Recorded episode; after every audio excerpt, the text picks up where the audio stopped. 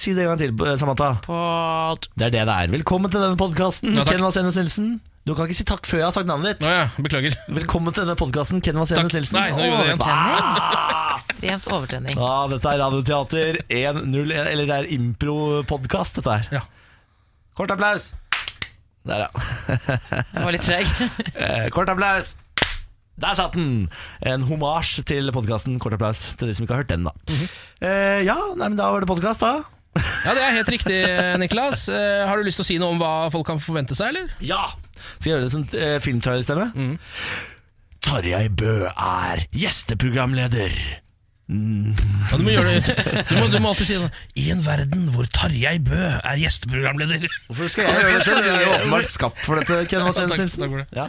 Eh, det blir tenketank. Det blir eh, babbel. Eh, hva blir det? Ja, det er jo også altså, helgestrategi ved Vegard Tryggeseid. Ja, det er sant. Jeg har skrudd av hjernen, for det er fredag. Eh, så du vet hva? Vi bare starter podkasten. Kos dere. Morgen på Radio 1. Hverdager fra seks. Uh, god morgen, Ken Vasenus Nilsen. God morgen, Niklas.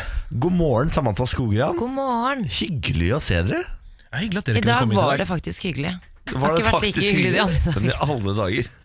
Jeg, jeg, i dag, dette er den dagen det er minst hyggelig å se dere. Det, altså, man har kanskje opplevd der ute å ligge i sengen, og så ringer eh, mobilen, Ja. og så trykker man på slumre.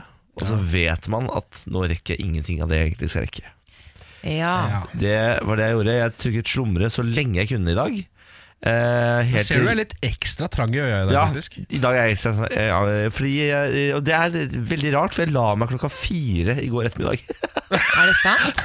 ja, Men, men det, du, det var du klar for. Det er veldig sjelden du er trøtt, Niklas. Ja, Og uansett om du er det, så merker man det ikke sånn veldig godt. Men i går, seg. eh, klokka 11, da, da merket jeg, eh, altså på formiddagen, da Ja. merket jeg at du måtte sove litt. ja, og da dro jeg hjem, lufta bikkja, vaska gulvet. I går dro jeg hjem, lufta bikkja, vaska gulvet. Hele gulvet, fordi det var så skittent. Vi har hvitt gulv og bikkje. Og det, nå er, de har jo fortsatt ikke feia gatene. Så han drar jo med seg altså ca. ti kilo sand hver gang vi går tur.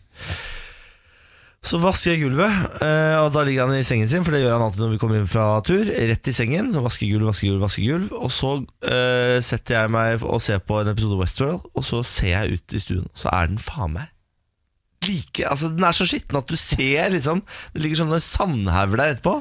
Da, da ga jeg opp. Da gikk jeg og la meg. Da var det nok for meg. Det nok Og, for deg. og det var da klokka fire Det er riktig. i går. Ja. Ja, Men du er jo av typen som, eh, som omgjør trøttheten din til eh, energi.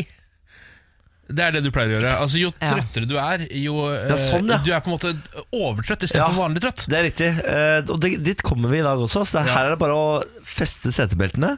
For når klokka nærmer seg ti i dag, da er det tempo her inne. Det er bare å glede seg. Jeg er litt sånn eh, takknemlig overfor eh, ja, universet i dag. Fordi da jeg la meg i går, så um, slet jeg egentlig ikke med å sovne. Jeg merket at jeg ble eh, ganske trøtt, og jeg la meg kvart over ni i går, så det var et ganske bra tidspunkt. Ja.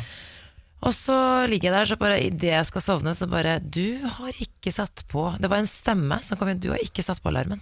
Det var, det var ikke jeg som sa det, det var en stemme oppi hodet mitt. Kanskje meg, kanskje hun andre som bor der oppe. Sa bare 'du har ikke satt på alarmen'. Husalarmen, for du Nei, har det. nei, altså øh, Og, mo- mobilen. Vekkerklokka. Vekkerklokken. Og ting at jeg har ikke øh, Jeg har vanligvis sånn innstilling som eh, den er satt på på en måte fire dager i uken, da. Ja. Eller fem dager i uken. Ja. Uh, men jeg har ikke satt den på etter påske. Uh, og så er jeg ekstremt flink på å egentlig huske på det, men det var bare, bare takknemlig for at det var noen som sa det til meg. Fordi så tidlig som vi står opp, har du ikke på alarm, så våkner du ikke. Kanskje Nei, nei, nei, du kan våkne av deg selv. Altså, noen, jeg tror kroppen kan være innstilt på det, men når det er så tidlig, så vet man aldri. Så du skulle egentlig ikke vært her, hadde det ikke vært for den andre stemmen som er i hodet ditt. Nettopp. Sofia. Hei Takk, til Sofia. Sofia. Tusen takk, Sofia. Hun kommer egentlig bare frem når jeg gjør eh, ikke bra ting, eh, når jeg har litt promille. Men av og til så slår hun til og hjelper meg litt. Det er da. godt å høre at Sofie er på plass. Mm. Eh, Ken, da? Har Ja, du jeg ditt- håper jo altså f- å få lært opp min Google Home, eh, som er min kjæreste som jeg har hjemme, eh, til å etter hvert begynne å spørre meg Er du sikker på at ikke du skal ha på alarmen. Fordi jeg s sier jo til den 'set alarm for eh, five', ikke sant? Ja, Men Og så gjør den lærer den seg ting? Altså, Den, får den, den den sier i vaner? hvert fall hele tiden 'I'm learning all the time', sier den. Eh, det er mulig Jeg vet ikke om det er løgn, eh, men den prøver i hvert fall å overbevise meg om at den er veldig lærendem. Um, så jeg håper jo at det skjer, Fordi i går også da jeg la meg, så var jeg altså Det var sånn i halv elleve-draget. Var jeg såpass trøtt at det holdt jeg på å glemme. Eh, så det som skjedde, var at jeg litt sånn akkurat i det sekundet før jeg sovna, og det kjente jeg litt, for jeg kjente at nå sover jeg egentlig, men jeg er fortsatt bevisst nok til at jeg sier sånn Ok, Google, set my alarm for five. og så sier den I'm sorry, I couldn't catch that. Og så måtte jeg I'm sorry, oh, fuck Og så måtte jeg stå opp da for å sette Ja. på alarmen min. Eh, Ja, men det det, det, stadiet der er det beste. Bevisst sovende. Ja, vet du det er hva? det beste stadiet, for da kan du bestille drømmer. Ja, og så er man også så kreativ i det lille øyeblikket. Så da pleier jeg ofte å komme på ting som er helt supergenialt, og så glemmer jeg det dagen etter. Ja, men Det er ofte den eh, perioden rett før du sovner, det er ofte da jeg kommer på mine beste ideer. Ja, men det er akkurat det. Derfor du må ha en liten, eh, en liten notatbok Ja. på nattbordet, så kan du skrive det ned. Jeg kan jo bare si det til min Google. Ja, nå har du jo, ja, kan du ta eh, muntlige notater til eh, Google? Altså sånn eh, Lese inn, og så hører du din egen stemme etterpå? Det må jo være mulig, det har jeg ikke testa. jeg, jeg, jeg har jo blitt litt så inspirert av deg og din eh, OK Google at jeg driver og har sett Ja. på den nye Amazon sin som heter Alexa. Ja, ja, For den ja. har kommet i en uh, 2.0-versjon nå. ja, den må du ha. Eh, og da kan du eh, for eksempel så kunne jeg, Hvis du og jeg bodde sammen, Samantha, så kunne jeg si sånn eh, Alexa, eh, kan du si til eh, Samantha at hun må huske å sette inn eh, brød i fryseren når hun kommer hjem? Så når du kommer hjem da, så sier det Alexa Hei, Samantha, her er en beskjed fra Niklas. Hei, Samantha, kan du huske å Det er helt sjukt. Men jeg har sett sånne, sånne smartsystemer hjemme, og det er, det er så mye du kan gjøre. da For alt til lys og kjøkken og varme og hei, Det er helt fascinerende. Har du sett hvor dyrt det er for sånne lyspærer? Som du kan styre via de tingene her? Som Philip Hue heter dette systemet. Er det sånn som dimmer og sånn? Ja, Det er sånn RGB eh, LED-lys som du kan styre via disse tingene. Du kan si sånn eh, Alexa, kan du skru på lyset i stua? Så kommer lyset i stua. ja, ja. Så kan du si sånn Alexa, kan du gjøre lyset rødt? Så blir det rødt lys. De koster per pære 550 kroner. Per lyspære. Det er jo ganske mye. Det er ganske dyrt. Det er Hvor lenge varer de? Ja, det er sikkert Det må jo være en stund, men tenk deg hvis du har da eh, sånne spotter i stua, så må du jo ha tolv Tolv pærer. Så da må du spare en stund. Ja, herre det, det det ødelegger litt av gleden. Ja Så den teknologien har ikke kommet langt nok til at det er billig nok til at noen gidder å ha Er det noen som gidder, har råd, for det første, til å kjøpe Ja, det er det. Ja, det er nok noen få som har òg, men om de gidder å prioritere å bruke det på, på lys øh, som kan bli røde For du kjøper Først da så kjøper du sånn starterkit. Da får du eh, sånn basestasjon Ja. og fire lyspærer. Eh, da er, må du ut med 1700. Ja, ikke sant? Ja. Og så må du da kjøpe ny pære, ny pære, ny pære for sånn 500 spenn. Ja. Det er jo Eh, framtiden, da. Det er framtiden. Eh, så- En vakker dag blir det billigere. Det Ja. må jo bli billigere. Ja. Morgen på Radio 1. Jeg vil redde en aviskiosk. En aviskiosk? Ja, det er en aviskiosk på Vinneren, der hvor jeg bor, ehm, som jeg er veldig glad i. Som selger rett og slett ja, frimerker, blader og aviser, og litt godteri, som i gamle der. Det fins jo eh, færre og færre eh, aviskiosker i dag. Det fins en på Karl Johan, som er ganske kjent. Det er kanskje den eldste. Den med spikersuppa der? Ne ja, nemlig. Rosenkrantz gate, eh, Karl Johans gate. Og jeg syns det er så koselig. Jeg blir sånn nostalgisk når jeg tenker på aviskiosker. Fordi vi hadde jo en på hjørnet der hvor jeg bodde i eh, Oslo by, i sentrum. Som jeg alltid løp til eh, hver eneste Jeg husker ikke om det var tirsdag eller når Donald kom ut.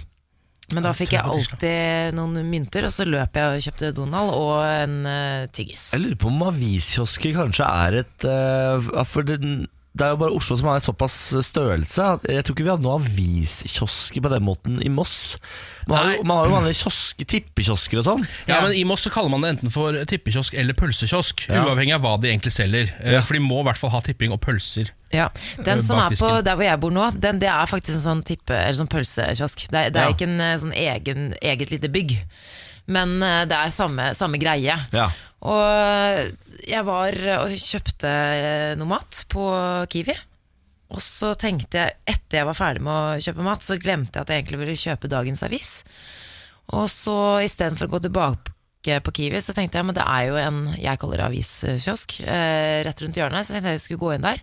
Det er en veldig trivelig mann som driver den kiosken, men jeg, har alltid, jeg har vært der inne sånn to-tre ganger før, og det er aldri mennesker der inne. Og så vet jeg ikke helt hvordan det går heller, men jeg tenker sånn, kan de overleve, disse kioskene? Ja, men, for, eh, jeg, det er lenge siden jeg har hørt noen si på den måten som du gjør nå. Jeg, så skal jeg gå og kjøpe dagens aviser. Ja. Det kan jeg ikke huske å ha hørt Nei. på Og kjempelenge. jeg abonnerer, jeg får jo papiravis hjemme også, for jeg har jo tenkt å støtte papiravisen til det, den dør.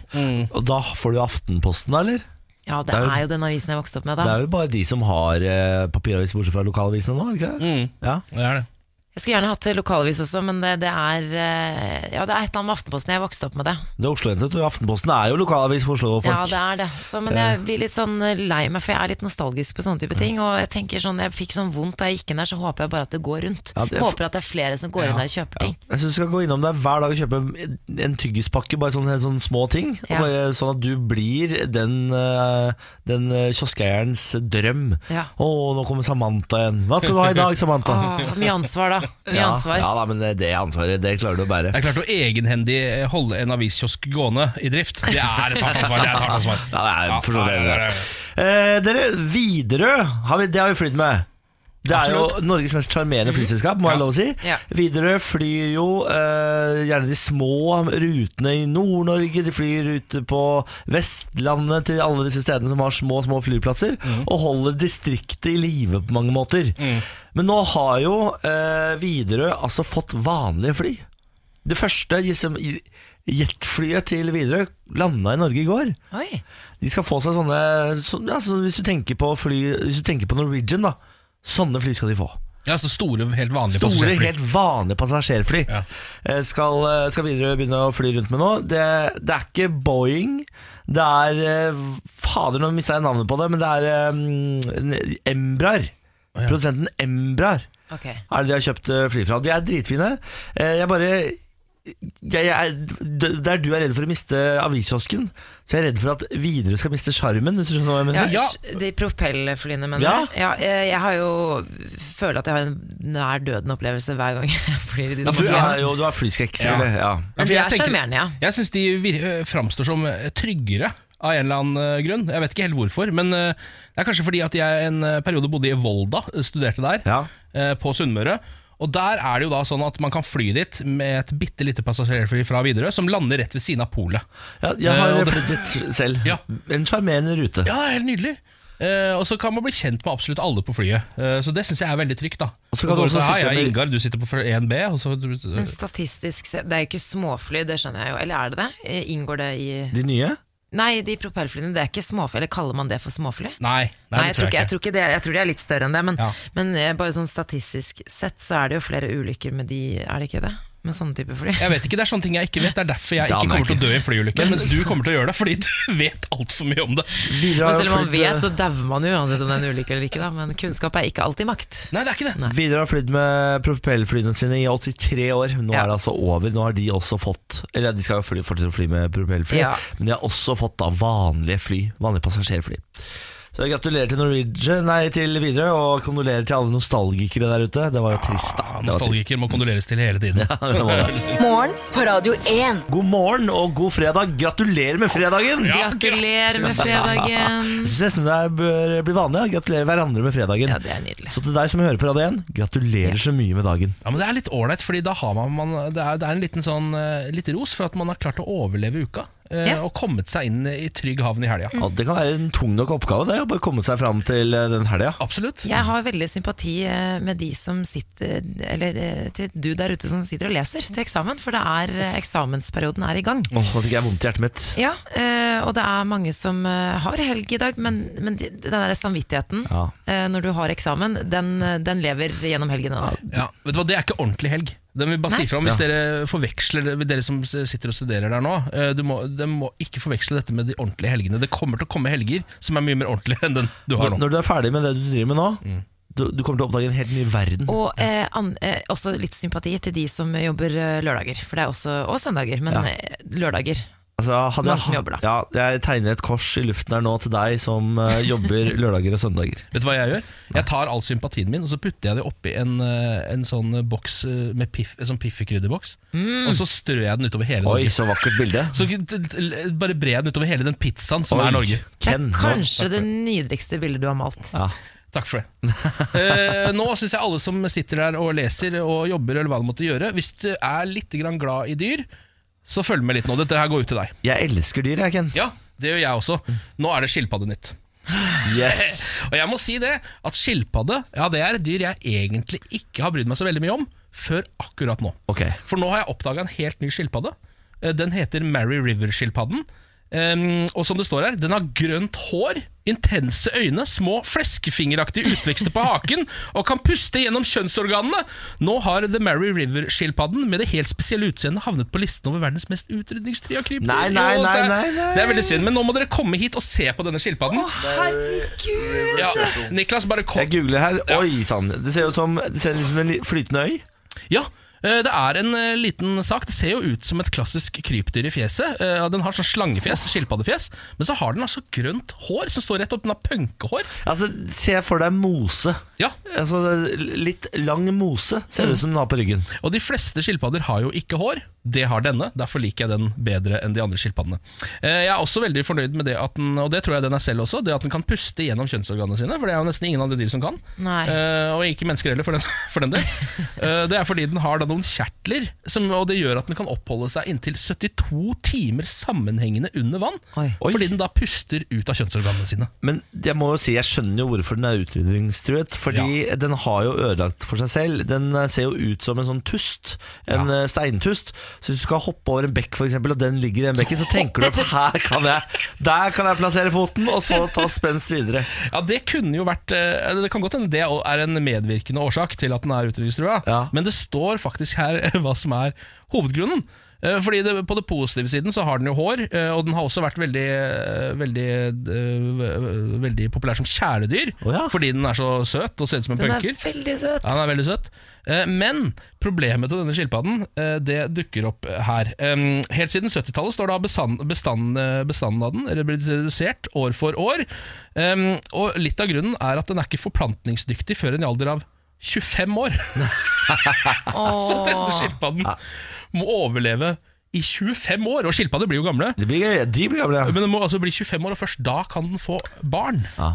Men den er, men den er litt sånn Den må modnes litt sent også, kanskje. Ja. Så den er litt sånn, det er en sånn søt liten uh, punkenerd, på Ja, en måte. ja. men den er, jo som, den er jo som menneskelige punkenerder. De får heller ikke barn før de er 25. Det er sant! det. Er heller ikke Men før de jeg er 20. elsker dette lille dyret. Ja, det er helt fantastisk. Hva het den for noe, hvis folk kan gå inn og se? Det er Mary River-skilpadden, og det er fordi den bare bor i Mary River i Queensland i Australia. Dit må vi. Ja, Ja. det, jeg har lyst på en sånn i mitt akvarie, som jeg nå skal kjøpe meg. Vi skal dra sånn. dit og hente de tre siste skilpaddene i denne arten og bruke ha de hjemme. Så selv. Jeg prøver jo eh, å få meg et indre liv, for jeg har jo altså ingen indre tanker. Ja, hvordan går det der, Tenker egentlig? ingen tanker. Ja, I går så lå jeg på senga og prøvde å tenke noen tanker. Eh, for det må jeg tvinge meg til nå, for å prøve å skape noe der inne. Eh, og da kom, jeg på et, eh, da kom jeg på et spørsmål som jeg trenger litt hjelp til, så vi må inn i tenketanken. Tenketanken. Velkommen inn i tenketanken. Velkommen inn i tenketanken. Ja, Her må man jo ta på seg sin mykeste stemme. Dette er eh, radioprogrammets polstrede rom. Her er alt lov. Med- nesten alt lov. Uh, og her skal vi bare ha det koselig og deilig. Og alt, det er ikke lov å mobbe her inne. Det er derfor jeg tar dem inn hit. Ikke lov å få latterkrampe heller, egentlig. Heller ikke. Spørsmålet jeg lå og lurte på i går, er Tror dere, hvis jeg hadde bestemt meg fra ung alder at jeg kunne blitt skikkelig smart La meg stille oppfølgingsspørsmål. Er det sånn at alle på en måte er født med det samme utgangspunktet, men noen bare eh, ikke utnytter det? Skjønner hva du mener. Ja. Eller er liksom Er IQ faktisk bestemt sånn Du er født med lite IQ ferdig? Nei, det, det, altså det her er jo en litt sånn født sånn eller blitt sånn-aktig Et litt sånn født sånn eller blitt sånn-aktig dilemma, dette her. Absolutt. Men jeg har jo eh, min egen eh, lille teori om at hjernen er som resten av kroppen. En slags muskel. Ja, ikke sant? som man da må eh, trene opp. Eh, så jeg tror f.eks. at eh, selv om jeg sitter her nå i dag med en fysikk som er eh, ikke spesielt imponerende, så, Det er ikke lov å le så høyt i beklager.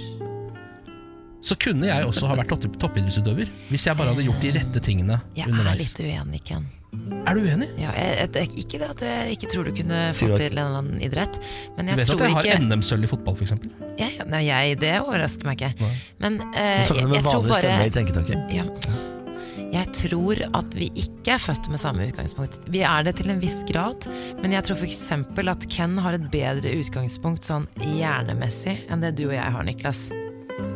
Jeg tror faktisk det. Men jeg tror hvis du og jeg hadde jobbet veldig hardt, så kunne vi sikkert fått gode karakterer gjennom livet. Studert, tatt eh, bachelor, master osv. Og, Ja. og klart oss greit. Men jeg tror ikke vi kunne kommet helt opp på det nivået. Ja, for jeg lå i går og tenkte sånn Faen, så dumt at jeg bare ikke starta og gikk hardt ut på å, å trene hjernen. Jeg kunne jo kanskje vært liksom Moss sitt svar på Stephen Hawking, tenkte jeg.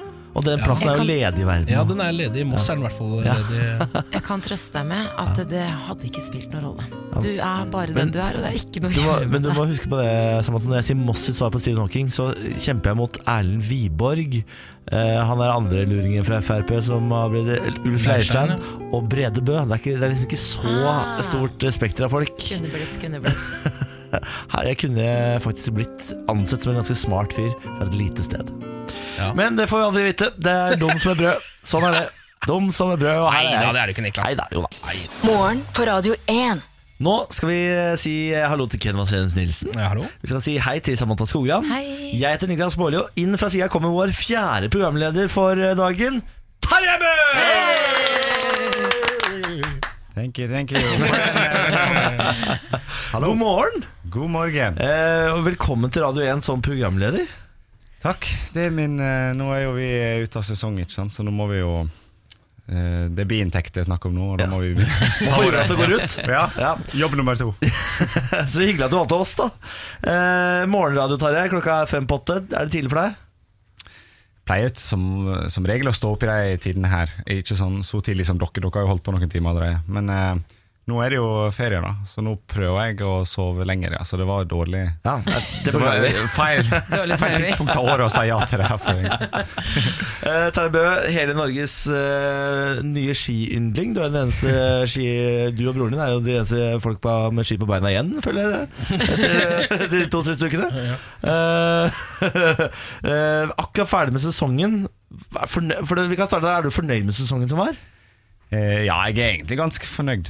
Jeg eh, var jo masse bedre nå enn jeg var, var i fjor. Men eh, OL var jo det store, da, og der gikk det litt, ja, litt under det jeg hadde håpa på, naturligvis. Eh, fikk med én medalje, så det var eh, bra, bra trøst. Men eh, jeg skulle gjerne hatt eh, ja, en sånn individuell medalje, da, naturligvis, som alle ønsker. Men vi har jo sett på Bjørnland, du har jo noen OL igjen. Altså, du, du trenger ikke gi deg ennå.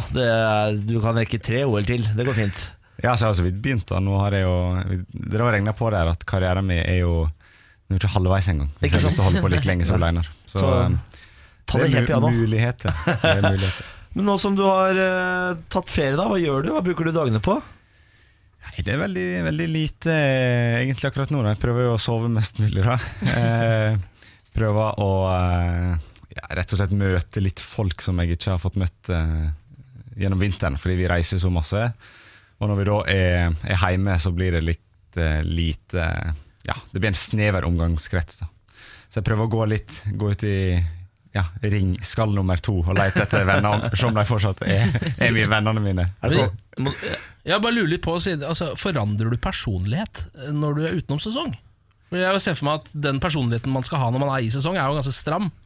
Ja, det er, det er veldig bra spørsmål. Jeg tror jeg aldri har fått Det var sånn, Hva føler du nå? Har jeg eh, fått et par ganger. Men akkurat den der har jeg eh, ikke fått. Men jeg sier det eh, Jeg tror du er litt mer avslappa sånn ubevisst. Jeg tror kanskje folk rundt deg merker at du er litt mer, litt mer faen, da. Ja. Eh, ja, detaljene er ikke så viktige. I sesong så er vi opptatt av å liksom få i oss mat og få nok søvn og alt det der kjedelige greiene. Hele livet er rei- et Jeg tror nå at det er litt sånn Ja, litt Ja. sånn Det er litt, litt loosere, litt, litt mindre regler du trenger å følge, da. Og det er deilig. Samantha sa hun eh, egentlig bare liker Emil én måned i året, eh, Ja. og det er feriemåneden. Eh, April måned. En nydelig måned. Men for da lurer jeg også på Hvem er den egentlige deg? Hvis du tenker liksom eh, Batman og Bruce Wayne da Eh, Hvem er det som egentlig er den ekte Skjønner du, hvem er han egentlig på en måte? Hvem er du egentlig? Er du egentlig skiskytter-Tarjei som uh, har et regneark foran deg og må følge det? Eller er du egentlig liksom fri-Tarjei som, som du nesten aldri får lov å være? Ja, jeg håper at jeg er ganske lik meg sjøl gjennom året, faktisk. Jeg tror ikke jeg er den idrettsutøveren som er mest ulik, fordi alle, lurer, alle sier jo alltid at jeg ler og bråker så veldig, så det, det tror jeg går igjen gjennom resten av året. Nå er omgås jeg jo en del med Samantha, så hun kan sikkert komme med noen bekreftende Ja, men, eh, stories. Er, jeg vil faktisk eh, tørre å påstå eh, Altså Tarjei og min kjæreste er jo eh, veldig gode venner. Så jeg har jo vært rundt deg noen år, Tarjei. Og du er kanskje den som er mest festlig året rundt. Jeg må få påstå det. At han er, eh, den derre april-Emil og april-Tarjei April-Tarjei er ganske lik Ja. eh, året rundt. ja, for Emil er et monster ellers, men akkurat det er bare jeg lever egentlig som en russing hele året. Ja, men- Det er et under at du dere klarer å stå på ski. ja, jeg bor eh, oppe i Tryvann der og bare hele året. Eh, Tarjei Bø, du er jo her for å være vår gjesteprogramleder. Vår første gjesteprogramleder. Det betyr at vi skal eh, ta deg inn i, egentlig inn i vårt univers. Nå er du, nå er du, ferdig, med, nå er du ferdig med det klassiske VG-intervjuet. Morgen på Radio 1. Eh, Tarjei, før du kom hit i dag, så sendte vi deg eh, Morgenplan 1s dagbok. Eh, som du skulle få lov til å fylle ut. Eh, hvor mye har du drevet med dagbok selv? Eh, jeg tror jeg hadde ei dagbok en gang som liksom jeg fikk gjennom en sånn goal, eller annet fotballklubb eller et eller annet Boing! Boing! Boing var det! Ja, det var ikke ja, goal. jeg kjørte litt den internasjonale boka på engelsk. Ja, Boing skoledagbok, den hadde jeg også faktisk da jeg var yngre. Ja. Og så begynte du alltid friskt, som du gjør med alle nye ting du får. Den skal liksom aldri få ei ripe, og den, den skal du begynne å skrive i. Og jeg begynte å fylle ut, Veldig god på å fylle ut navn, Ja. alder og de greiene der. Ja. Og så, så gikk det gradvis nedover. Jeg hadde alltid puserdagboka. Eh, tenkte sånn, nå skal jeg skrive i dagboka for første gang. Skrev i dagboka hvem jeg var forelsket i. Eh, det tok nøyaktig et kvarter før søsteren min hadde sett i den dagboka, og jeg ble mobba eh, så hardt at jeg aldri har tatt en dagbok etterpå. så det, det drepte søsteren min rimelig effektivt en sommer der på jeg, campingen i Moss. Hvordan fikk du tatt igjen? For dette er jo et evig søskenjag. Ja, ja, det er jo, men det er det. Jeg er jo så snill som dagen er lang, så jeg bare klappet henne på hodet og sa sånn Vennligst aldri gjør dette igjen. Det er sånn det er. Uh, vi har eh, laget vår egen uh, skoledagbok med spørsmål vi egentlig lurer på. Det er så, det er sånn vi gjorde det. Uh, dette her har jeg skjønt skal bli en fysisk dagbok etter hvert. Ja, vi tenker jo å utforme en faktisk dagbok av det, med bilder og full pakke. Så må vi huske å ta et bilde av også av Tarjei etterpå. Hvis ikke alle Det skal vi få til. Vi har en kameramann som står og filmer han akkurat nå, så det jeg tror det blir tatt bilder nok her. Uh, vi kan jo egentlig bare gyve på. Eh, navn Tarjei Bø. Fødselsdato 29.07.1988. Oh, snart 30 Ja, fader, du er jo snart 30. The Big 30. Hæ? Har du Hvordan kan det her gå? ja, er du det en- noen som har blitt eh, 30 år? Det Jeg har det. Jo, ja. Jeg har blitt det, jeg overlevde. Uh, og det går greit. altså Det går, går helt ålreit. Du får en liten knekk akkurat på 30, men med en gang du har eh, kommet deg på 31, så er du ferdig med det. Ja. Hvordan Jeg- feirer jeg du? gleder meg litt. Jeg fe- Gleder du deg? Ja. For jeg skjønner Er ikke hvordan Jeg Jeg ble 29 nå, og nå teller jeg jo ned til 30. Sånn som deg. Jeg, vet, ikke, jeg føler liksom den alderen mellom, sånn, mellom 25 og 30 Det er sånn der eh, Hva er du da, liksom? Når du er under 25, så er du ung og lovende. Og så Nå kan jeg gå inn i de gamle, gamles rekke. Nei, Tarjei. Du er en gammel sjel, da, hvis du syns det er deilig. Ja, men det er liksom Jeg liker jo liksom eh, Portvin? Gi litt gass og eh, ha det litt artig. Og hvis du kan liksom kombinere det med å være 30, er ikke det det beste? da? Jo, det er verre med motsatt, føler jeg. Ja, At du er sånn 35 år gammel innvendig, og så ser du ut som en 22-åring. Jeg? Nei, Du? Nei, jeg snakker generelt. Syns det er verre. Jeg synes det er verre. Ja, jeg jeg fikk en telefon fra fatter'n da jeg fylte 29. Han sa sånn Nå skjønner jeg at du har angst for å bli 30. Ta det piano. Jeg skal fortelle at 30 til 40, de beste åra i ditt liv, sa han. Ja, er det det? Men jeg har hørt at alle perioder er de beste åra i ditt liv, Ja. så den syns jeg er litt vrien. Der syns jeg fatter'n har vært ærlig. fra 40 og ut, da, eh, da dør du sakte, men sikkert. Ja. som han sier. Eh, men 30-40, der har du ti gode år. Bruk det godt, sa han i en ærlig telefonsamtale. Og det tror jeg litt på. Ja. Fordi da har du, du har blitt voksen nok til å tjene penger og sånn. Ja. Eh, og for min del ikke noe barn, så jeg har ingen forpliktelser annet enn en bikkje.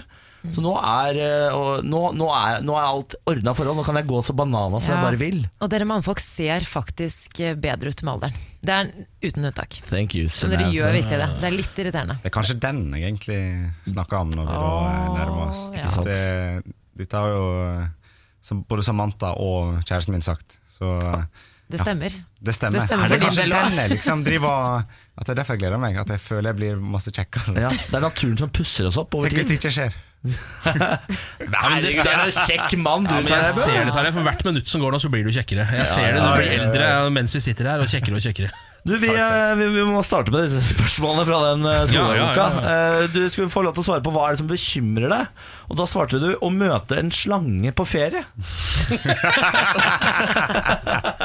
Det er jo bekymringsverdig. Ja, det, Ja, men det Altså, jeg er livredd slanger. Men Skal ikke du på ferie snart? Jeg skal på ferie på, på mandag. Du har valgt? Australia, eller? Ja, men jeg, jeg, jeg vet ikke hvor masse slanger det er der, men jeg følte jeg valgte sånn litt slangeland. Men det er da Vietnam og Filippinene. Er det slanger? det er slanger. Det er slanger, Det er slanger. slanger. Du hører jo, det er slangeland. Jeg ser det. Ja. Mm. Så ehm, jeg skal gå midt i, midt i handlegata og aldri gå ut der, derifra. Jeg går der det er asfalt tror jeg, Ja. hele ferien. Det tror jeg er lurt. Jeg, jeg elsker at du er, det er det som bekymrer Du er en ganske ubekymra type hvis det er det du er redd for i livet. Å møte en slange på ferie. Det var det første jeg tenkte på Ja. når jeg åpna dagboka. Så var det bare sånn Åh, den slangen på ferien. og som eh, kjæresten sa, det var liksom Ja, men vi skal jo dykke og sånn. Tenk hvis det kommer en slange under vann. Oh, Det er masse slanger under vann i Vietnam, tror jeg. All, ikke sant? Men du, ja, faen, de kan jo svømme òg, de slangene. Og om de kan Så- svømme, ja. Å, Jesus. Jeg skal kjøpe harpun på taxfree-en. Ja, på det- Gardermoen. Synes jeg er kjempeidé. Eh, vi spurte også deg, Tarjei Bø, om eh, hvis du kunne våkne i morgen med en ny egenskap eller nytt talent, hva det skulle vært. Og da svarte du Hva Har du, svarte gle- jeg? har du glemt? Ja, lage, det- lage musikk, har du svart. Ja, ja, faktisk. Men det, det var jo hvis jeg ville liksom få til noe skikkelig big, da. Eh, lage musikk. Jeg har alltid blitt fascinert av disse der eh, nordmennene som bare Det kommer så mange nå. Er det som bare Kygo, sitter liksom? på dataen. Ja, men det er så mange ja, Matoma og han der Alan Walker. Alan Walker. Og, Ja, ja, ja, De sitter jo bare der med den der eh, Buffen og bøffen over nasa. og så, og så bare detter det ut musikk. Men du, Tarjei, tenk så kult om du har på det. Du, har, du bruker jo Buff du òg, ganske mye. Du kan jo bli den første ski-DJ-en. Altså når du legger opp, tenker jeg. Da har du liksom Jeg slipper Kan du bli bytte den karen? buff. Jeg kan bare ta den Norge-buffen Ja, ja. og dra den opp. Du har jo Ja. han fotballspilleren som er uh, DJ, hva er det han heter for noe? Han, uh, Jan Gunnar Solli? Ja, Jan Gunnar Solli, ja. Ja, ja, ja, ja. Ja, Han er ikke DJ, vel? Hæ? Men han lager musikk sjøl òg. Ja, Jan Gunnar Solli. Ja. Ja, ja, han, jeg har vært på utested hvor han spiller. Jeg. Men har du noe musikalsk talent? Han kan synge. Kan du synge? Altså, jeg, eh, jeg synger som regel etter midnatt, og da, da og, Ja, vi har jo Nei, hatt men... sånne karaokegreier. Ikke sant, du er eh, karaokekongen du, Tarjei Bø. Men Er du, eh, er, du, også er du skiguttas uh, Camilla Herrem? Tore Tang, liksom? Nei, det, den, eh, det er en fornærmelse, faktisk. Uh, Tarjei Bø er dagens gjesteprogramleder. Vi skal uh, etter hvert ta en runde på lokalavisene. Ken, du har jo fulgt Fjuken i en uke nå. Ja, jeg skal gjøre det i dag også. Det er Siste runde med Fjuken i dag. Og så skal Tarjei få lov til å ta oss med til sitt, uh, sin lokalavis. Yep. Hvilken avis er det? Fjordingen. Fjordingen og Fjuken. Morgen på Radio 1. Vi skal holde oss litt i det leiet der. Det skal bli flere overskrifter. Fordi jeg har jo satt i gang et nytt prosjekt eh, her som vi kaller for eh, Morgen på Radio 1 aviser deg Norge. Ah, Snedig greie. Ja, ja, det er. Eh, Det er da en lokalavisspalte hvor vi ukentlig følger én lokalavis og dykker helt ned i det lille området som den dekker. Denne uka så er det Fjuken. Som er den utvalgte lokalavisen. Det er avisen for Skjåk, Lom og Vågå eh, i Oppland. da Vi har vært innom saker som 'Skulle gå fra Bessheim til Glitterheim, kom ikke fram'. Eh, som var jo mer dramatisk enn det høres ut som. Det var helikopter involvert og greier. Absolutt. Eh, Det blir sammenslåing, har vi vært innom. Det er da Hovedutvalget for kultur og oppvekst og Hovedutvalget for helse og omsorg som skal slå sammen til eh, ett utvalg. ja. Eh, og så har det vært mobilfritt døgn på skolene der. Det gikk ikke så bra for 9. klasse, en av niendeklassene i Lom, der en, eller tre av elevene, nei ni av elevene ba om å få tilbake telefonen sin etter et kvarter. Eh, Men vi har jo vært veldig spent på saken oppgradering av rasteplass, Ja. som vi ikke har fått lest fordi den er på sånn plussabonnement, så du må betale i Fjuken for å få den. Men redaktør i Fjuken, Hans Erik Kjosbakken, har hørt på Morgen på Radio 1 Er det sant? og sendt denne saken til meg gratis. Nei! Jo. Gi deg! Eh, han, han skriver også her Jeg legger, legger ved tekst i saka her, men minner om at det bare koster 29 kroner for en måned. Ja. Det syns jeg du skal bidra med. Egentlig kun- syns jeg at det kunne jeg betalt av egen lomme. Ja, det synes jeg. Skal ikke betale for nyheter. Nei, Nei. eh, så den kunne jeg ha betalt for, det er jeg enig i. Men nå kommer den altså, oppgradering av rasteplass. Nasjonale turistveger ønsker å oppgradere rasteplassen på Rusthangen i Sjodalen. I grove trekk dreier oppgraderingen seg om å gruse opp plassen, støype en kant med rekkverk ut mot elva Russa, avgrense et areal for sittegrupper, søppelkasser og informasjonstavle. Det er stort behov for offentlige toalett i Sjodalen, og Fjellstyret mener det også må bygges toalett her. Fjellstyret viser, viser i sin uttalelse, eller i sin uttale, heter det bare her, da, siden det er nynorsk, eh, til at det sist sommer ble svært utrivelige forhold i buskene ved mange av de små rasteplassene i Sjodalen. Så sier, står det også her Dersom rasteplass ved Russa ikke blir stor nok, mener fjellstyret at de kan flytte hele rasteplassen lenger nord på Rustangen, der de i dag står infotavle om fisking. ja. Så det skjer ting i. Fjuken, og nå blir det også altså, oppgradering av Ja, jeg må si, jeg elsker rasteplasser som har eh, rekkverk Ja. mot elv. For Ja. det er så deilig å stå og lene seg med rekkverk, titte på elv og la tankene fare. Og kanskje det viktigste rasteplass offentlig toalett. Så man slipper å stå i disse buskene og gjøre det utrivelig. Absolutt. Altså, jeg synes jeg, Hvis jeg skal tisse langs veien, så syns jeg faktisk det er hyggeligere å tisse i ei busk enn på et offentlig sånn rasteplasstoalett. Jeg kan være litt enig med Så akkurat det. Enig. anbefaler mer busk, egentlig. Ja. Tarjei Bø elsker busk. Jeg eh, liker å eh, slippe meg i vann. Eh, og Ok, men Tisse under vann. tisse i, ned, altså i elven. Niklas, du har akkurat begynt å svømme i et basseng. Ja, jeg, jeg, jeg tisser ikke i basseng. Er du for jeg- sikker? Ja, fordi jeg har hørt eh, rykter om at de har tilsatt noe greier i basseng så du blir helt blått. Eller sånn Du, det, Så du endrer farge. avslører det? Ja, de avslører det hvis eh, du tisser i det. Jeg vet ikke om det stemmer, men jeg har hørt det. De er livredd for at jeg, at jeg skal bli utsatt for det. Så jeg tisser i toalettet når jeg er eh, på svømmehallen. Altså. Men det å sette ut det ryktet er jo genialt. Det trenger jo ikke å stemme. Det er jo ingen som tar sjansen. Så, jeg var jo redd for å møte slanger på ferien, under vann.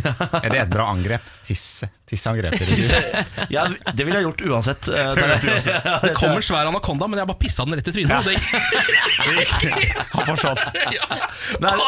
Altså, Pissing kan jo redde mer enn man tror. Du, du skal pisse, hvis du blir bitt av eh, manet og sånn, så skal man, brønnmanet, skal man tisse på det. Bitt av manet, ja, som det heter. Ja, Biter med tentaklene sine. Eh, det var Fjuken. Eh, vi har jo bedt deg, Tarjei, ta en runde på lokalavisa di. Hvilken Mhm. avis er det du valgte?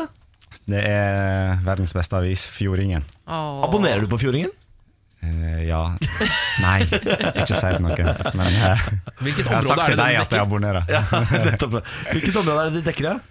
Jeg sier, eh, det er et godt spørsmål. Altså, jeg er nå fra Stryn, så det er noe der. Ja, ja. Eh, Det er Nordfjord, men det har vært litt flere aviser i området. Men akkurat eh, som, hvem som har nedlagt og hvem som har slått seg i hop sånn, det er jeg litt usikker på. Tarjei Bø har blitt bygutt, det hører vi. Ja. Han var bånd for lenge på Østlandet. Ja, det er neste sak her. er Sånn. Tarjei veit ikke om vi er den eneste avis i fylket.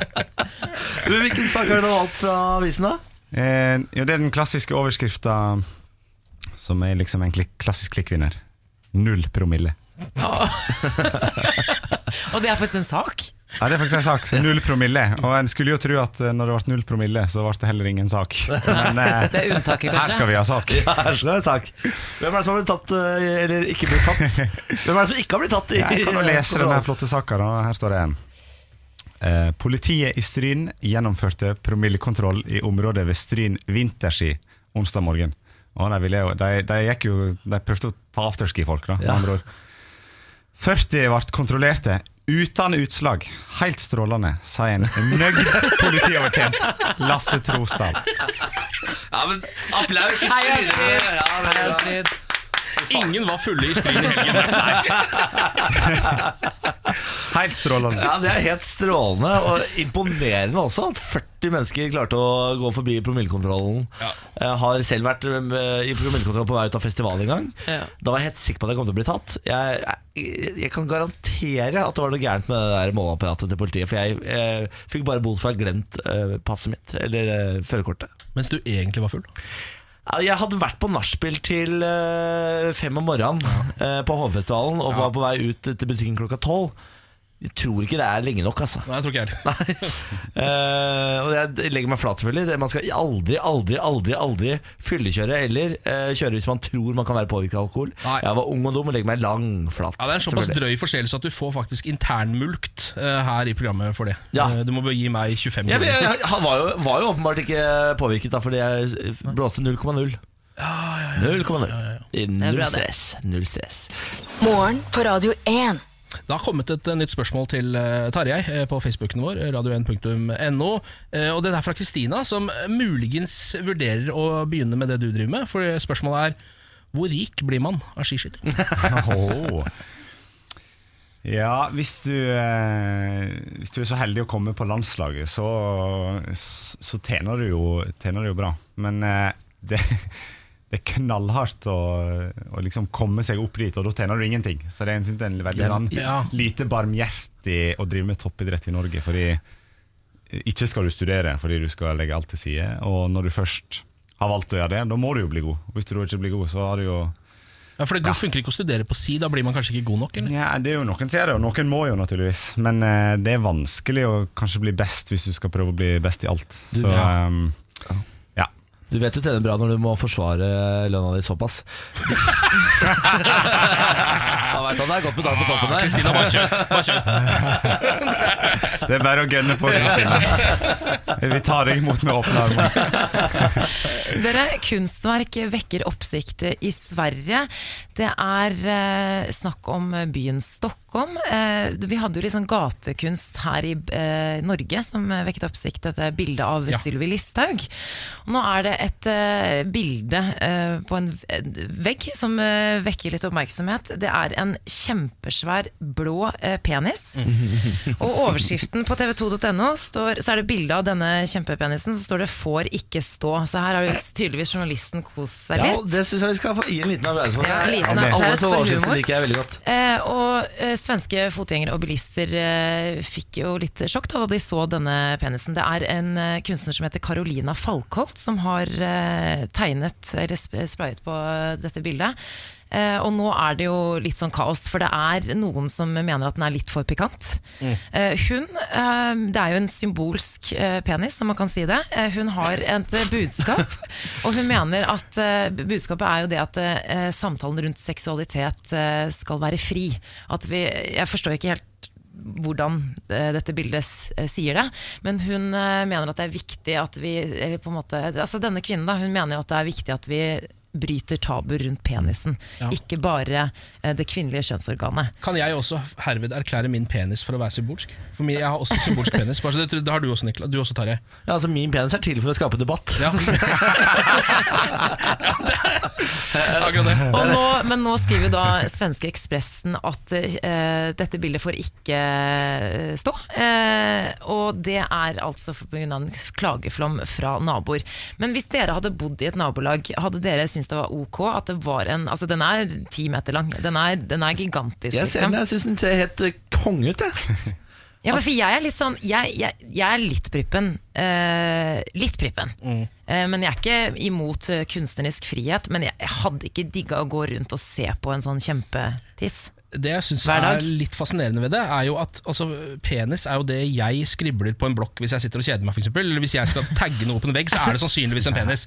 Uh, og da er det litt sånn gøy at kunstnere også De også tenker bare sånn Ja, jeg må ha et eller annet, nå må jeg lage kunst. Det blir, det blir penis. Det er det eneste jeg klarer Den å få penisen her er garantert vakrere enn det du klarer å skrive. Det vi hadde klart å tegne, det Ja. hadde ikke oh, ja. sett bra ut. Nei, men det, det jeg tror eh, det folk i Stockholm glemmer her, er eh, hvor mye penger den eh, penisen her kan dra inn. Fordi det her kan jo bli et sånn Instagram-hotspot. Hvis du åpner en to-tre kaffesjapper rundt der, så kommer det greiene til å. Jula kommer til å gå rundt som bare det. Det kommer til å være Stockholms Eiffeltårn. da Ja. Tenk om Eiffeltårnet var penis. Det hadde vært vakkert. Så herlig, det hadde vært vakkert. Eh, nei, jeg syns, den, jeg syns absolutt den uh, burde få lov til å stå. Jeg ser at TV2.no har en sånn avstemning på om uh, den bør få stå eller ikke. Skal gå inn og stemme. Jeg, tror, jeg tror vi er litt mer stå. liberale. Eller, ja, der ser du. Ja, TV 2 har eh, 53 la den stå. Ja. Ikke sant? Vi er litt mer liberale. Jeg er Ja, ja, stolt ja, over det norske folk. Men svenskene er gærninger, vet du. De har klikka for det. Ja. Tarjei, det er jo fredag den eh, 13. i dag. Har du fått med deg noen nyheter i dag? Ja. Ja. Jeg kom over litt av en nyhetssak som jeg synes var litt eh, Som jeg klassisk hadde klikka meg inn på. Og så var det sånn Dagblad pluss, og så bare æsj, fuck! jeg er så lei det der eh, betalingsgreiene. Heldigvis så hører eh, redaktøren i Dagbladet på. Han har sendt saken til oss. Det er jo at fredag den 13., da, som er overskrifta, er sikrere enn alle andre fredager i året. ja, der ser du. Og da tenker jeg liksom hm, Det der er verden i et nøtteskall. Hva er grunnen? Har vi noen Hva, hva Jo, tror du? jeg, jeg, det- men jeg kan forstå det, for jeg er egentlig litt overtroisk. Okay. Jeg tror, jeg er sånn som Hvis jeg øh, håper å si, tråkker på et kumlokk, sånn, så må jeg banke, liksom, banke i bordet tre ganger. Og, liksom, eh, og også sånn øh, Hvis jeg ser en svart katt løpe over veien, så må jeg spytte tre ganger. Ja, du gjør de tingene. Spytte Det er ikke alltid jeg gjør det, men jeg tenker sånn her, nå må du liksom snu deg litt. Og, Hvis det kommer en svart katt over veien, så spytter jeg alltid på den. Det, det, Nei, jeg spytter ikke på katten, oh, men jeg tenker at det der betyr ulykke, og jeg tror oppriktig på det. Samtidig så tror jeg på den nyheten der, for jeg tror, eh, sånn som jeg er ekstra forsiktig på fredag den 13. Ja. Så når alle er da, eh, de, i hvert fall de overtroiske, da eh, blir det færre ulykker. Jeg kan ta dere med gjennom et par ting som har skjedd fredag den 13. Som kan gi dere grunn til å bli litt overtroiske. Eh, fredag den 13. oktober 1972 styrtet et fly med 45 passasjerer i Andelsfjellene. 16 personer overlevde. Uh, ble redda 72 dager senere. Altså de overlevde i 72 dager. Ja, det, er jo, det er jo fra filmen Alive. De spiste jo hverandre for å overleve. Ja, ja, det er helt riktig. Ja, ja.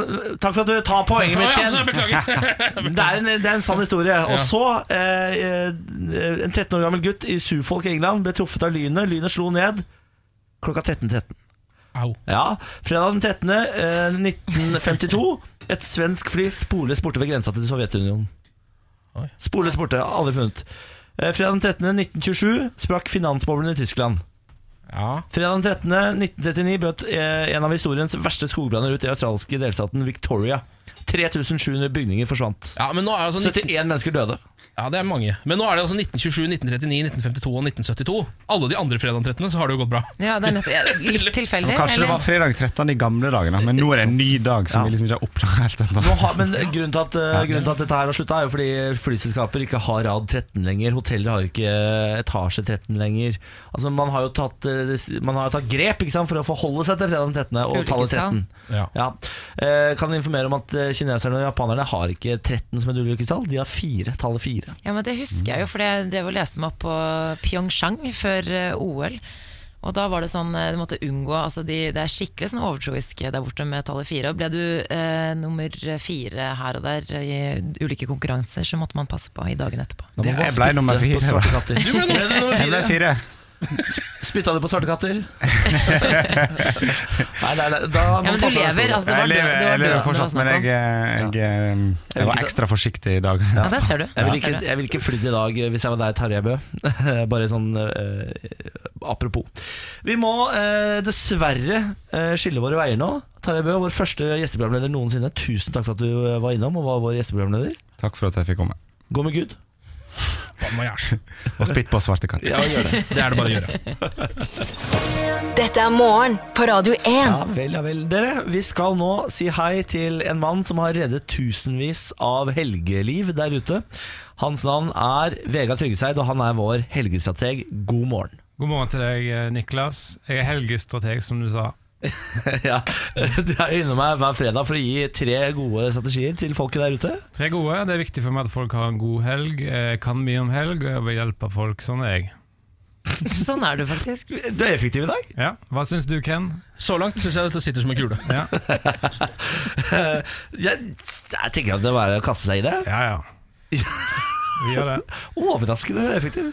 Norges ultimate partyplaner hjelper deg å takle din helg. Mannen som kan alt om helg. Vi presenterer Vegard Tryggeseids helgestrategier. Helgestrategi 1. Du har barn, og du vil finne en helgeaktivitet som er kul for både deg og barna. Barna Spreng flasker nede ved elva. Den burde være grei, den. Helgestrategi 2. Et alternativ til å sprenge flasker, gokart. Den er mest gøy for barna, kanskje litt kjedelig for voksne, men det du som voksen kan gjøre, da, er å legge deg ned i veibanen og la barna krasje gokartsene inn i hodet ditt. Det å få vondt er nemlig et, et smulderlig tidsfordriv. Tiden flyr når man er i smerter. Neste.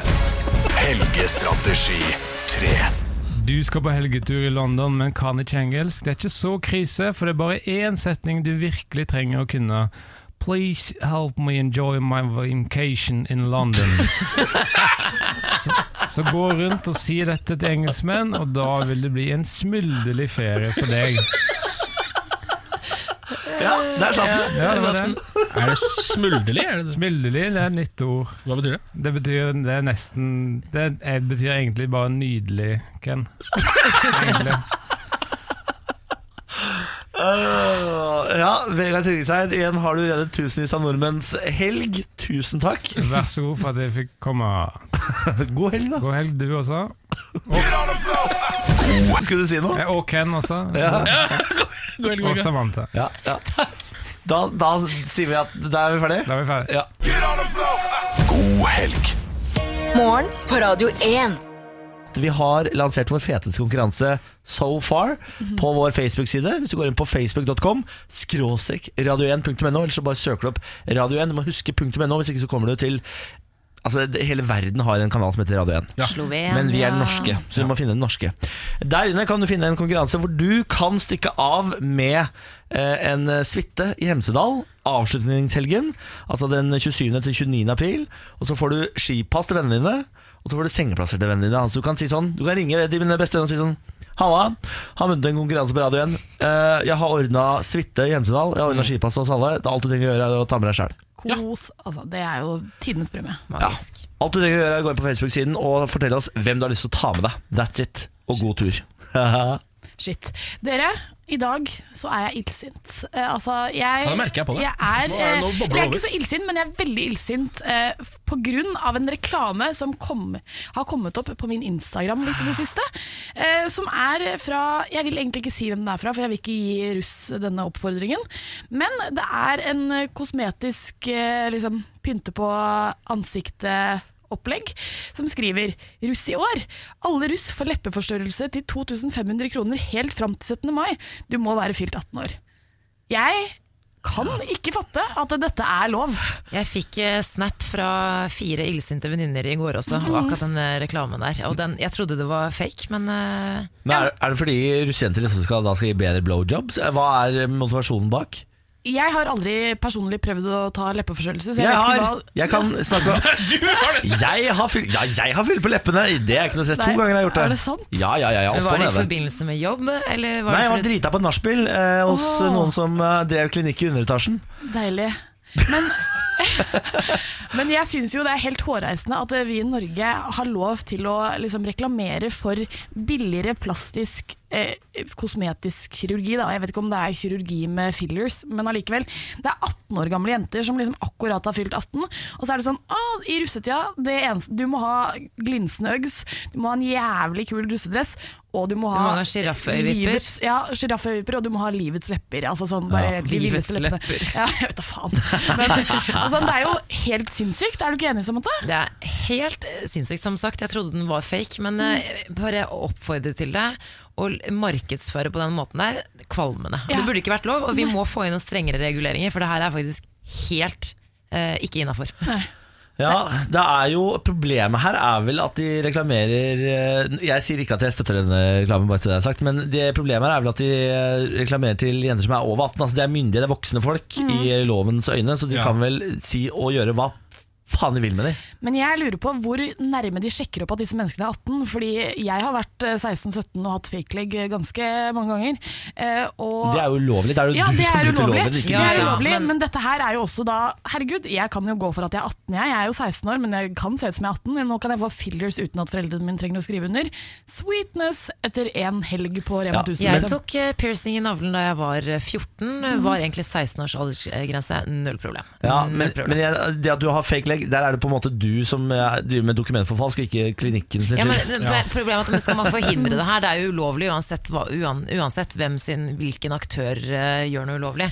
Da burde man jo, det, det, Uansett, det er et eller annet galt her. Kan jeg bare si en ting? Jeg vil at alle, Nå skal jeg si hva de heter. Jeg vil at alle skal gå inn på Instagram og gå på ansikta.medica eh, og rapportere profilen. For da Er det blir. Oppfordring. Er det, ja, det er, det er kampanje Det er fra kampanje fra meg. oss. Ansikta Medica. Ansikta.medica. Ansikta skal gå inn her og gjøre det med den en gang. profilen. Her, ja. ja. Fordi du, den her fikk jo jeg opp i går òg. En nei, de har etisk- lagd privat konto, de nå. Ja, men det går ser du. fortsatt an å Kan melde de.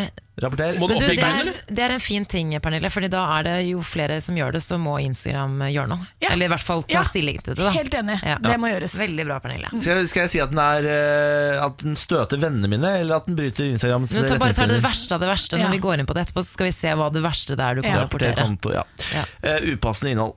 Ja, herregud, da, det er jo 10 000 igno- hatefulle ytringer, som boler. Sånn, Ja, ja. Takk for bidraget, vær så god. Da har jeg gjort det. Jeg har jo et prosjekt hvor jeg skal skape meg selv et indre liv gående. Åh. Jeg har jo ingen indre tanker, jeg tenker veldig lite. I går hadde jeg én tanke, og den tok vi Tenketanken tidligere i dag. Det var er man født like smart, og så er, kommer det an på hvor mye man tjener i hjernen, eller har man et dårligere utgangspunkt osv. Okay. Uh, I går skulle jeg egentlig vært på floating, noe jeg jo driver med. Og Forklar hva floating er. Ja. Floating er en tank som eh, inneholder så salt vann at du legger deg oppi det, og så føler du deg vektløs, for det er, så, det er kroppstemperatur. Altså Du ligger der, og så flyter du. eh, og så er det helt mørkt, og så har du propper i ørene så du hører ingenting, du ser ingenting. Det er bare deg og ditt indre liv. Jeg har vært der to ganger. Mitt indre liv er ikke-eksisterende, så jeg ligger der i en og en halv time og tenker ingenting. Ja. Begynner du ikke å tenke på pusten din?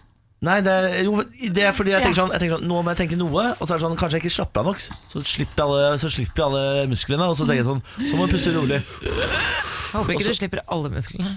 Ah, Nei, det er fredag. Samantha Skogran.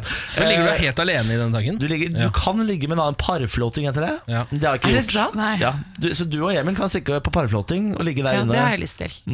Har du det? Nei. Ljuger på radio. Eh, men i går så skulle jeg ha min tredje og siste eh, time der. Glemte den. Eh, og dette er jo Det koster jo 700 kroner per time eller noe sånt. Ja. Eh, Så i går kastet jeg 700 kroner ut av ruta fordi jeg glemte flåtingen min. Og jeg hadde, har på følelsen i dag av at det var i går gjennombruddet skulle komme. Ikke sant? Ja, men nå, for nå har du vært der to ganger og ikke hatt en eneste tanke, bortsett fra kanskje litt om du puster eller ikke. Ja, Da vil jeg jo nesten si at kanskje de kronene allerede er kasta bort. At det er egentlig samme om du var der eller ikke. Du kan jo ja Men hun i resepsjonen som snakker engelsk for øvrig, jeg blir veldig stakkato rar. eh, For jeg føler at jeg hver gang jeg går inn på dette stedet, så føler jeg her hører ikke du hjemme. Nå er du, nå er du bort, på bortebane. Så jeg Is it Nicholas? Welcome Ja, to floating. Så jeg blir ekstremt stakkato rar. Det er sånn taffelmusikk i taket, og det er sånn du drikker noe sånn eh, sitronvann og sånn. Og roer deg helt ned og tar av deg skoene, og så småtalker eh, du med henne. Og så så har, når jeg kom ut sist, så sa jeg sånn Yes, it's very good. I, I like the relaxation, but I can't think I, I don't think I thought, som jeg sier. Think et. Og da uh, sier hun sånn Yes, yes, yes, but don't worry, eh, you have to do this a couple of more times, and then you will break through the wall, sier hun. Oh, ja. Er det, er det emotional wall, Ja, eller et eller åpenbart. annet? Eller the thinking wall. Ah, yes. ja. Eh, Så jeg tenkte at i går skulle det skje, men nå er jeg tom for klipp. Så jeg kommer ikke til å kjøpe nye tre klipp på Nei, floating. godt. Så min floatingkarriere er eh, over. Med mindre det finnes noen i Oslo som vil sponse Niklas med litt floating, da. Ja, altså Hvis det finnes noen som er med på å sponse meg for å se om jeg klarer å break through the wall, så må dere gjerne gjøre det. Jeg, jeg, Prosjekt i Niklas sitt indre liv. jeg har altså så lyst til å få et indre liv, så dette her er et prosjekt jeg skal følge og finne nye måter å prøve å skape indre liv på. Det tror jeg er en, eh, det er en tøff jobb.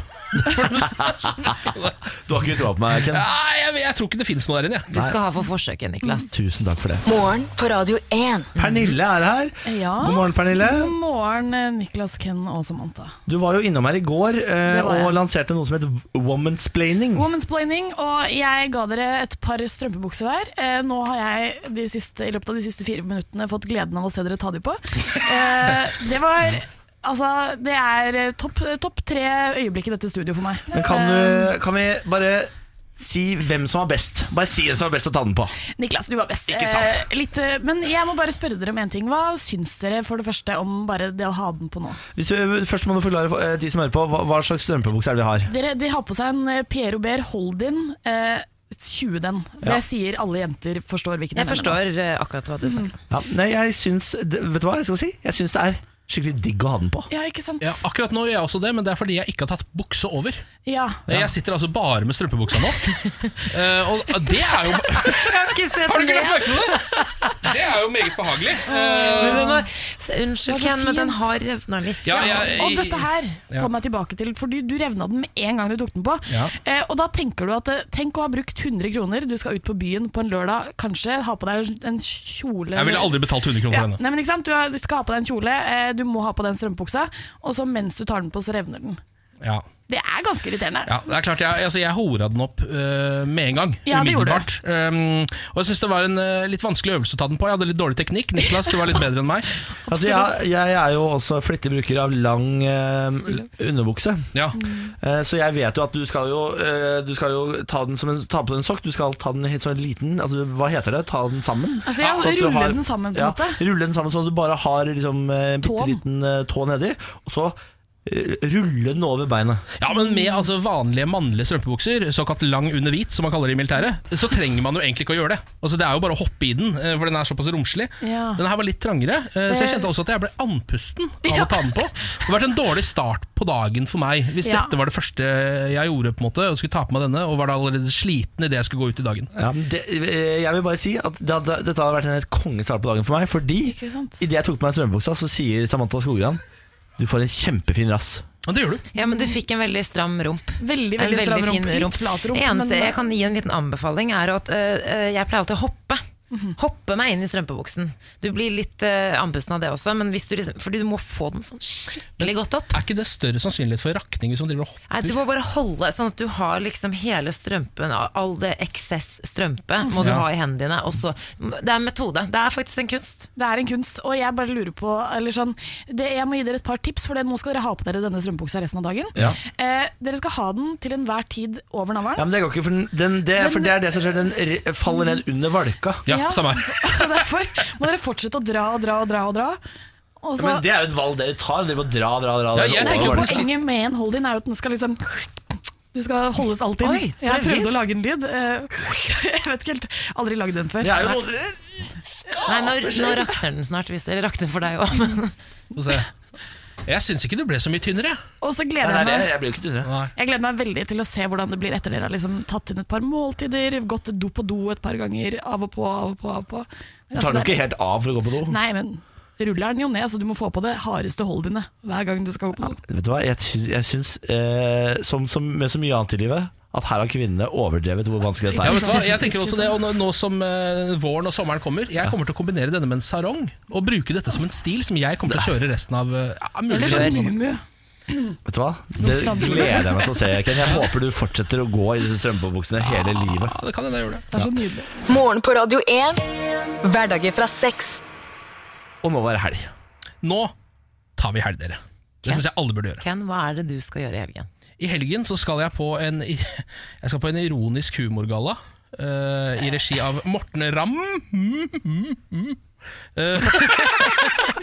I alle Ja, det, er ikke, det er unødvendig med to m-er. Humorgalla det har ikke starta ennå, Ken. Nei, at du ser jeg begynner å bygge meg opp. akkurat. Eh, og så skal jeg spise dumplings. Åh, det er godt, ass! Oh. Hvor, Ikke snakk meg om dumplings. da. hvor er det du går for, dumplings? Vet du hva, Vil dere ha et tips? Ja. Hvis man bor i Oslo-området, The Golden Chimp. Jeg var i Stavanger en gang og spiste noen dumplings som var helt sinnssyke. Du det? Jeg husker faen ikke hva det Ja, da Vi anbefaler jeg spiste Stavanger. noen eh, gode dumplings forrige uke. Gjorde ikke det forrige fredag? På for en uke Vippa? siden? På Vippetangen i Stemmer det. Oslo. Der eh, har de sånne food eh, trucks, holdt på å si, eller food uh, Altså, booths. jeg jobba meg gjennom tre av de food boothsa på kvelden der. Ja. Først kjørte jeg noe injera fra Etiopia. Nice! Og så kjørte jeg noe kebab fra Aleppo. Er dette Borat-referanser du drar nå? Nei. Og så det er ganske nyskapende humor. Nå har vi kommet så langt i sendingen at det er ingen som forstår hva Niklas sier. Han snakker et helt Altså, jeg, Ja. jeg forstår ikke hva han sier. Dette skjer alltid på fredager, Ken. Det kan du leie deg til. Ja. Og så spiste jeg tacos! Ja, det er- Taco, tequila, corazón, adena, sananana. Det er hommage til Anders Nilsen. Ja. Vi må, gi, vi må gi oss nå. Jeg bare okay. sier det. Gi det. Da eh, snakkes vi i morgen. Eh, mandag. Adios! Adios!